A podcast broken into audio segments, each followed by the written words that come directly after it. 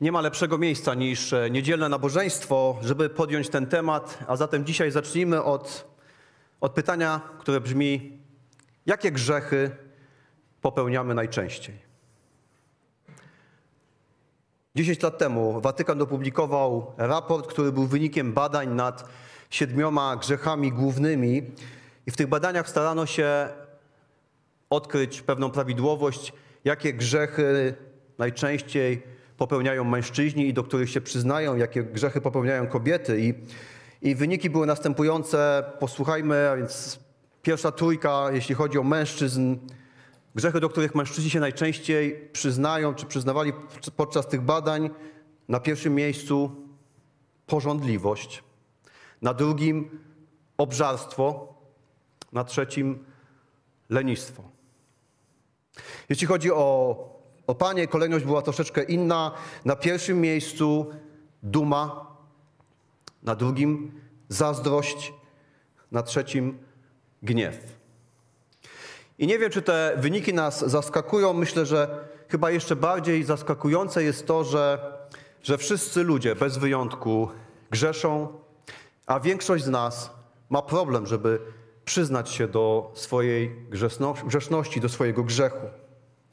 Ale z drugiej strony nie jesteśmy w tym odosobnieni, ponieważ ludzie zawsze zmagają się z tym tematem i, i także naród wybrany przez Boga, naród izraelski, na przestrzeni swojej historii, a także w tym czasie, który rozważamy od kilku tygodni, opisany w księdze Nehemiasza, także zmagał się z tematem grzechu.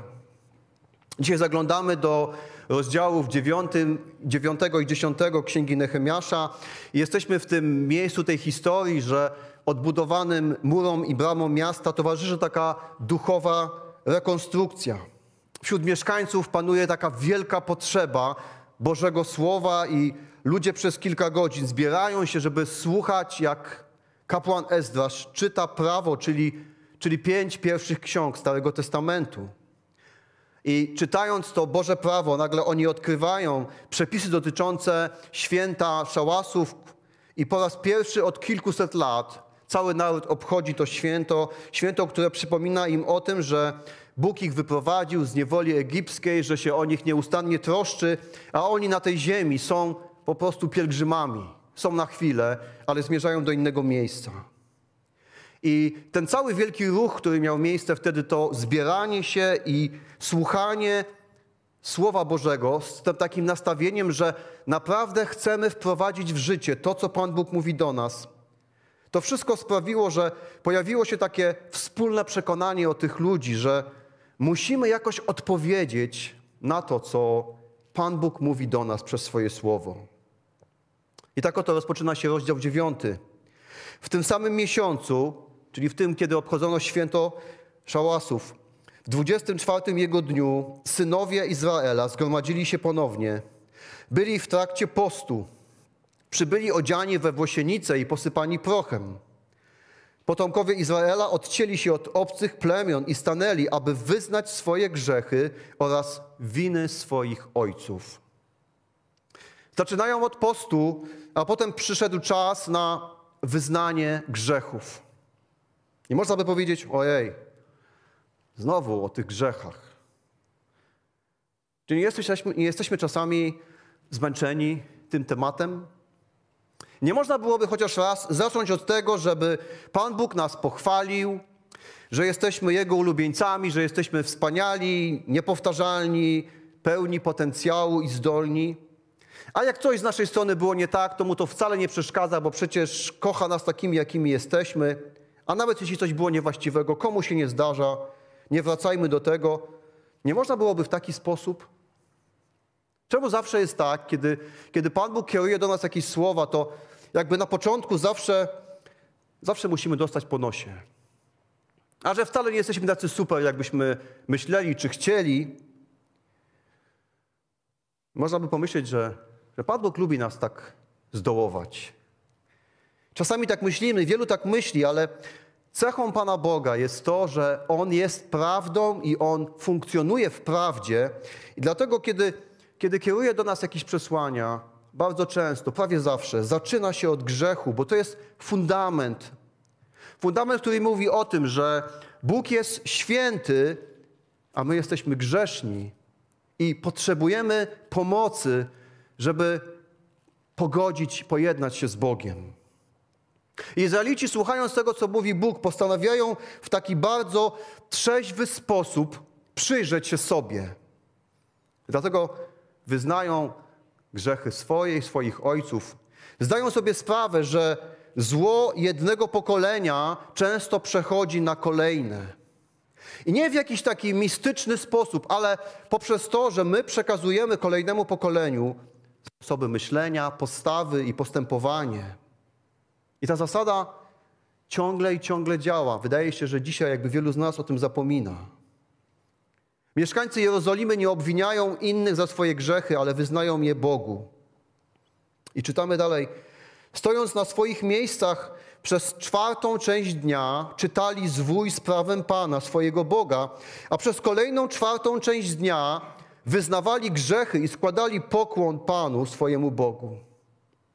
A zatem tak mniej więcej trzy godziny słuchania, a potem trzy godziny spowiedzi w formie takiej wspólnej modlitwy. Jeśli ktoś z nas nie lubi długich modlitw, to informacja jest taka, że ta modlitwa zapisana w dziewiątym rozdziale Księgi Nehemiasza jest najdłuższą modlitwą zapisaną na kartach Biblii. I ta modlitwa mieszkańców Jerozolimy składa się jakby z takich dwóch głosów, jest takim dwugłosem. Te dwa, te dwa głosy opowiadają dwie powiązane ze sobą historie. Pierwsza koncentruje się na tym, czego dokonał Bóg. Błogosławili więc chwalebne Jego imię, wspanialsze niż wszystko, co można było ująć we wszelkim błogosławieństwie i uwielbieniu. Ty jesteś Pan, ten jedyny. Ty stworzyłeś niebiosa, stworzyłeś niebiosa niebios i wszystkie ich zastępy, wszystko, co wypełnia ziemię i wszystko, co mieszka w morzach. Ty także wszystko utrzymujesz przy życiu, a cały zastęp niebios Tobie składa pokłon. Wychwalają Boga za to, że On wszystko stworzył. Można powiedzieć, rozpoczynają we właściwym miejscu. I to jest dziwne, że my, ludzie, którzy jesteśmy tak bardzo uzależnieni od życia danego nam od Boga, tak łatwo o tym zapominamy.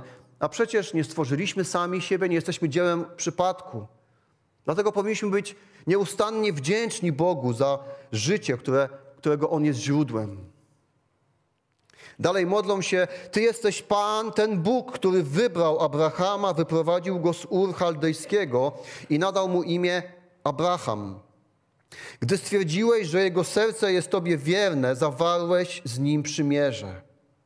Wychwalają Boga za to, że On podejmuje inicjatywę wobec człowieka, że udziela niezasłużonych błogosławieństw, że zawiera przymierze, dotrzymuje obietnic, że On jest tym, który inicjuje to, żeby człowiek wrócił do Niego. Nikt z nas nie szukałby Boga, gdyby to Bóg wcześniej nie rozpoczął poszukiwanie Ciebie i mnie. To Duch Święty, działając w nas, budzi w nas te uczucia i pragnienia, żebyśmy zbliżyli się do Boga i poznali to, kim naprawdę jesteśmy. Te wieczne pytania, te wieczne potrzeby, one jakby pulsują w naszych umysłach i w naszych duszach. I w ten sposób właśnie Pan Bóg wzywa nas do siebie. I nawet dzisiaj w tym miejscu nie byłoby nas, gdyby nie to, że Bóg w suwerenny sposób zaczął działać i wzywać nas do siebie. Modlą się dalej. Wejrzałeś potem na niedolę naszych ojców w Egipcie i wysłuchałeś ich wołania nad Morzem Czerwonym. Dokonałeś znaków i cudów na Faraonie, na wszystkich jego sługach, na ludzie jego ziemi, bo widziałeś, z jaką butą traktowali Twój lud. Rozsławiłeś więc swoje imię, podobnie jak jest to dzisiaj. Rozdzieliłeś przed nimi morze, przeszli jego środkiem jak po suchej ziemi. Ty zaś tych zaś, którzy ich ścigali, wrzuciłeś w głębiny, jak kamień w potężne odmęty. Potem w słupie obłoku wiodłeś ich za dnia, a w słupie ognia nocą, by oświetlać przed nimi drogę, po, którą, po której mieli iść. Wychwalają Boga za to, że On wybawia z grzechu i zniewolenia. Wracają do tego kluczowego wydarzenia w ich historii, wyjścia z niewoli egipskiej, tego jak Pan Bóg ich cudownie wyrwał z tej niewoli, jak ich prowadził. I my też nigdy nie powinniśmy zapomnieć o tym, że zostaliśmy przez Chrystusa wyrwani ze królestwa ciemności i mocy grzechu. Modlą się dalej. Stąpiłeś też na górę Synaj, rozmawiałeś z nimi z nieba, nadałeś im sprawiedliwe prawa, sprawdzone pouczenia, dobre ustawy i przykazania. Ogłosiłeś im też swój święty szabat, nadałeś przykazania i ustawy. Całe prawo za pośrednictwem swego sługi Mojżesza. Gdy byli głodni, karmiłeś ich chlebem z nieba, a gdy spragnieni, wydobyłeś wodę ze skały, pozwoliłeś im wejść i wziąć w dziedzictwo ziemię, o której przysięgałeś, że dasz im ją w posiadanie. Oni wychwalają Boga, bo On jest źródłem mądrości i zaspokojeniem życiowych potrzeb. Gdy wyszli z Egiptu, Bóg wiedział, że posyła ich do ziemi, która jest zamieszkana przez narody, które są moralnie zdegradowane do takiego stopnia, że kiedy czytamy o tych różnych praktykach tamtych narodów, to jesteśmy przerażeni. I wśród takich ludzi, w takich okolicznościach, w takim środowisku mieli żyć Izraelici. Ale Bóg, dając, ich, dając im prawo, uczył ich tego, jak mogą uniknąć tego skażenia, jak mogą przyjaźnić się z tymi ludźmi, ale nie dać się jakby zniszczyć ich niemoralnością. My jesteśmy w bardzo podobnej sytuacji. Pan Bóg dał nam swoje słowo, które nas uczy zasad życia, zbawienia, wyzwolenia, które daje nam tą wewnętrzną siłę, żebyśmy się mogli oprzeć pokusom zła, które jest wokół nas. Też Bóg zaspokoił ich potrzeby, dał im chleb do jedzenia, gdy go nie było. Dał im wodę, dał im mannę, zaspokajał ich fizyczne, duchowe potrzeby. Nowy Testament nam pokazuje, że to wszystko było taką zapowiedzią, obrazem też Chrystusa, który mówił o sobie, że jest chlebem życia, wodą życia, który przyszedł po to, żeby zaspokoić nasze najgłębsze potrzeby. Oni za to chwalą Boga. Dziękują też za to, że mogli po 400 latach niewoli znaleźć swój kawałek ziemi i założyć państwo i być narodem. Więc pierwszy głos w tej modlitwie koncentruje się na Bożym działaniu, ale drugi głos opowiada, jak Izrael odpowiada na to Boże działanie. Jaka jest odpowiedź Izraela? I czytamy, lecz oni, nasi ojcowie, okazali się hardzi. Nie chcieli zgiąć swoich karków i przestrzegać Twoich przykazań. Byli nieposłuszni, nie pamiętali o cudach, których dokonałeś z nimi. Przeciwnie, byli uparci. Wybrali sobie przywódcę, by wrócić z nim do niewoli, do Egiptu. I to ten drugi głos, to wspólne wyznawanie tak naprawdę odnosi się do takiej buntowniczej postawy wobec Boga. Bo tak to już jest, kiedy buntujesz się przeciwko Bogu, to niezmiennie zaczynasz wracać do zła, w którym kiedyś, które kiedyś byłeś zamieszany. W tym przypadku Izraelici nawet chcieli wrócić do Egiptu, wrócić do ucisku, do niewolnictwa i te, to te, ta tęsknota za zmysłowymi przyjemnościami Egiptu jakby zasłoniła im ten, tą udrękę niewoli. Ale tak właśnie zwodzi nasz bu nas bunt. Ale nawet wyznając ten bunt, oni ciągle dostrzegają też to niezwykłe Boże działanie. Modlą się tak, lecz Ty okazałeś się Bogiem wielkiego przebaczenia, miłosiernym i litościwym, cierpliwym i wielce łaskawym i ich nie porzuciłeś. Nawet gdy czynili sobie lanego cielca, powiedzieli: To jest Twój Bóg, który Cię wyprowadził z Egiptu. I kiedy popełniali przerażające bluźnierstwa, Ty w ogromnym swoim miłosierdziu nie porzuciłeś ich na pustyni. Wielu ludziom Bóg wydaje się być okrutnym, surowym, grzmiącym, który tylko czeka na ludzkie upadki, żeby ich ukarać. A tymczasem On jest pełnym cierpliwości kochającym Ojcem, pełnym współczucia, cierpliwości i mądrości. I czasami czeka, aż ludzie przejdą przez swoje próby i doświadczenia. Bóg dopuszcza to wszystko z nadzieją, że te lekcje nauczą nas i sprawią, że zechcemy do Niego powrócić. A On czeka na nas, żeby nas pobłogosławić. O tym w tej modlitwie przypominają sobie Izraelici. O tym, że kiedy odchodzili od Boga, On nieustannie ich ostrzegał. I czytamy dalej: Ostrzegałeś ich, chcąc, by wrócili do Twojego prawa. Lecz oni byli hardzi, nie słuchali Twoich przykazań.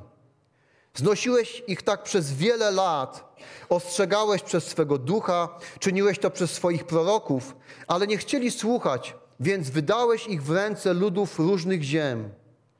W swym ogromnym miłosierdziu nie położyłeś im jednak kresu, nie porzuciłeś ich, bo jesteś Bogiem miłosiernym i litościwym. I w tej całej historii buntu zawiera się tak naprawdę historia tego narodu od początku do czasów im współczesnych. Bóg dopuścił tą sytuację, w której teraz byli. Bóg dopuścił niewolę. Bóg dopuścił, żeby Babilończycy najechali Jerozolimę wzięli ich do niewoli. I tutaj Tutaj mamy nagle zmianę zaimków. Już nie mówią o poprzednich pokoleniach, ale teraz już nie mówią my. To nasze problemy, to nasze grzechy. Zaczynają patrzeć na swoje własne pokolenie i mówią: A teraz Boże nasz, a teraz Boże nasz. Boże wielki, potężny, wzbudzający lęk, dotrzymujący przymierza i łaski. Weź pod uwagę wszystkie te trudności, które spotkały nas, cały Twój lud i to od dni królów Asyrii aż po dzień dzisiejszy. Ty jesteś sprawiedliwy we wszystkim, co nas spotkało. Tak postępowałeś wiernie, to my byliśmy bezbożni. Nasi królowie i książęta, nasi kapłani i ojcowie nie wypełniali Twojego prawa i nie zważali na Twe przykazania, lekceważąc Twoje przestrogi, przez które ich ostrzegałeś. Pierwszy głos w tej modlitwie opisuje Boże działanie – a drugi głos jest historią buntu Izraela. I jedynym właściwie tematem tego wyznania, bo to jest taka pokutna modlitwa, jedynym tematem jest bałwochwalstwo. Izraelici nie przepraszają Boga za to, że się gniewali, kłamali, oszukiwali, byli chciwi, niemoralni, nadużywali alkoholu, stosowali przemoc, byli pełni gniewu. Oni przyznają się do jednego grzechu, do grzechu bałwochwalstwa, który może nie zawsze był widoczny, ale był przyczyną wszystkich innych grzechów. Bałwochwalstwo jest poniżeniem Boga, które przejawia się w odrzuceniu Jego osoby i Jego dróg. To dlatego Pan Jezus na pytanie, jakie przykazanie jest najważniejsze, odpowiedział: Będziesz miłował Boga całym sercem, umysłem, duszą, ze wszystkich sił. I gdybyśmy byli w stanie przestrzegać tego jednego przykazania, nie popełnialibyśmy innych grzechów. Kiedy popełniamy jakikolwiek grzech, w tym samym czasie dopuszczamy się grzechu bałwochwalstwa, które polega na uczynieniu kogoś lub czegoś ważniejszym od Boga. My sami albo inni ludzie rzeczy materialne, nasze pragnienia, fantazje, marzenia pozbawiają Boga centralnego miejsca w życiu. I chociaż w swoich wypowiedziach ciągle pozostajemy chrześcijańscy, zachowujemy się, jakby, jakby Bóg nie istniał. I do tego przyznają się Izraelici. Nieustannie poniżaliśmy Ciebie, Boże, dlatego konsekwencje, które nas spotkały, są zasłużone. I przyznając się do bałwochwalstwa, jednocześnie z nadzieją patrzą w stronę Boga, oczekując Jego miłosierdzia. I tak rozpoczyna się rozdział dziesiąty. W związku z tym wszystkim zawieramy pisemną umowę Pieczętują ją nasi książęta, lewici i kapłani.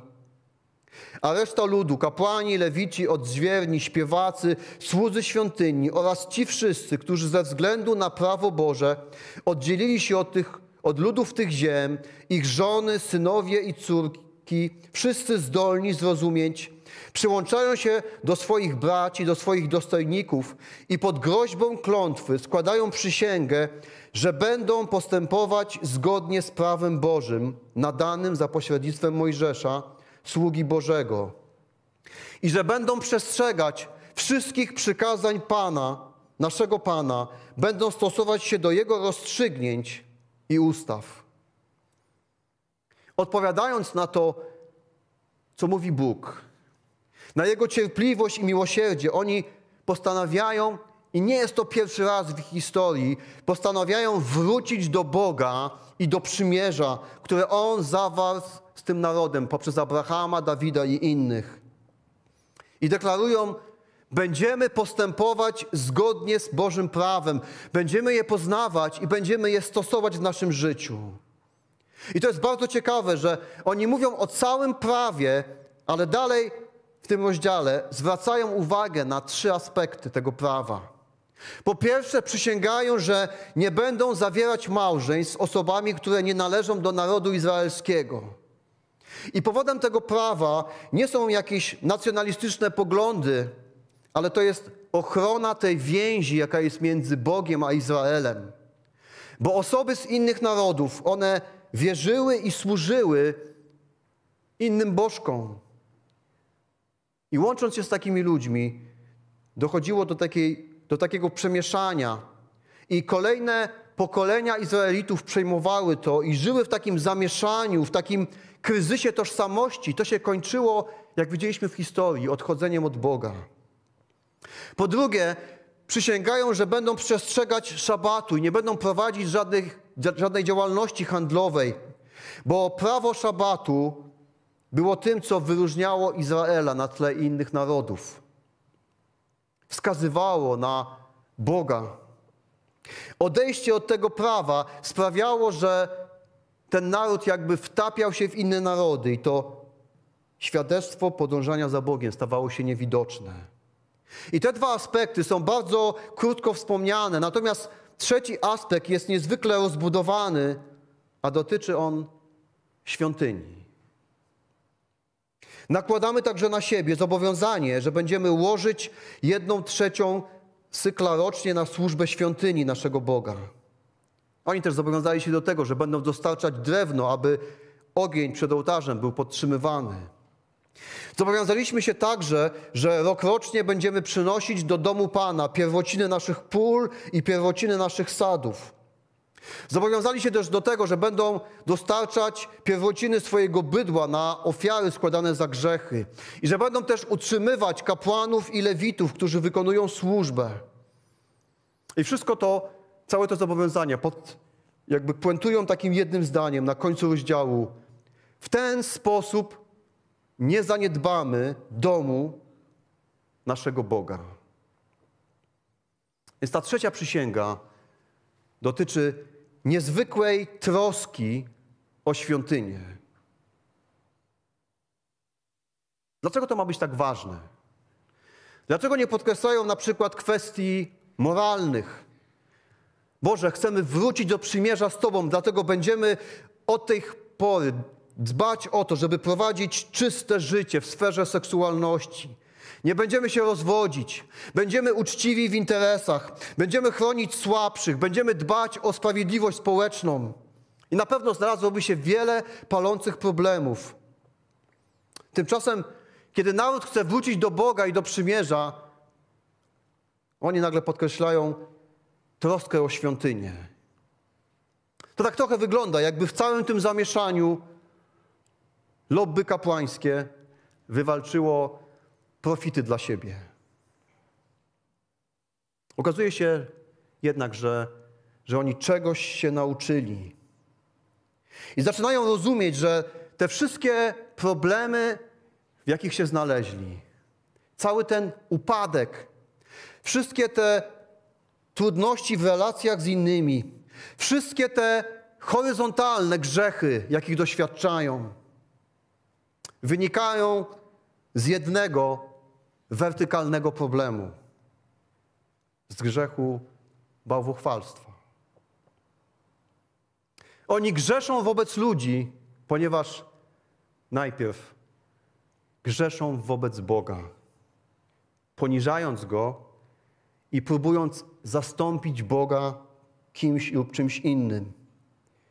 I właśnie dlatego troska o świątynię jest tak ważna, bo świątynia jest tym miejscem, gdzie oni mogą spotkać się z Bogiem.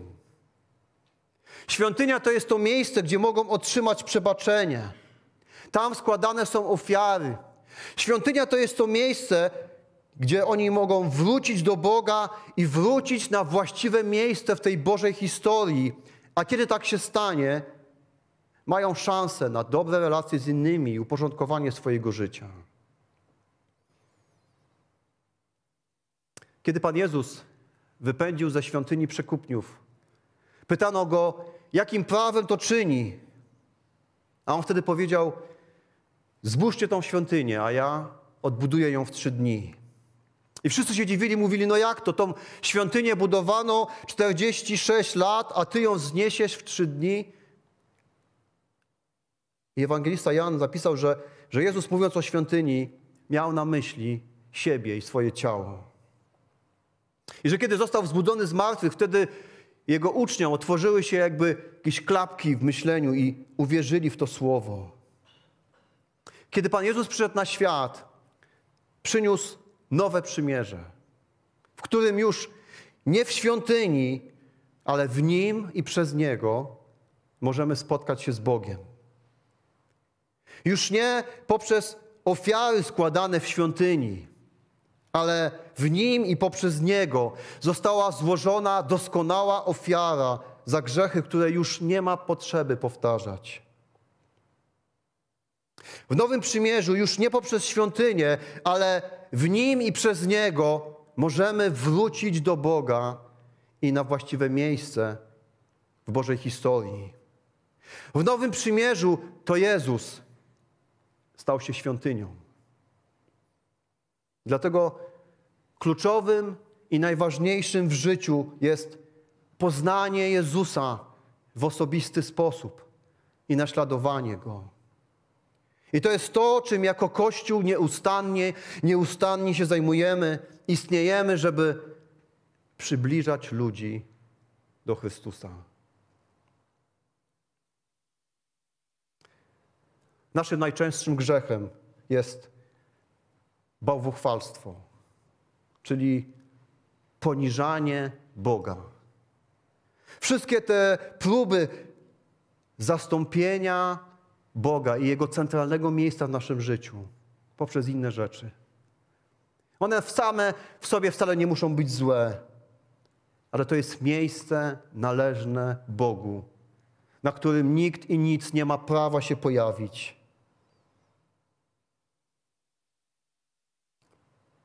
Bóg jednak ciągle czeka na nas, że wrócimy do Niego i że odpowiemy na Jego słowo, na Jego działanie. Pomimo tego wszystkiego, co mogło się wydarzyć, i pomimo tego, że dzisiaj może jesteśmy daleko od Niego, warto, tak jak oni wtedy, po raz kolejny wrócić do Boga, pojednać się z Nim i odpowiedzieć na Jego słowo i Jego działanie. On ciągle czeka.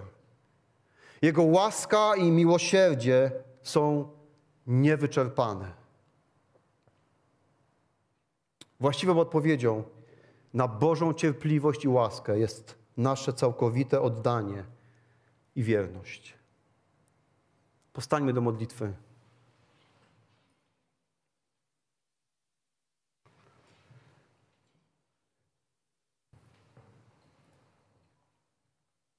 Miejmy taką chwilę ciszy, kiedy Duch Święty wyciągnie z naszego życia, co tak naprawdę konkuruje w moim życiu, w Twoim życiu z Bogiem.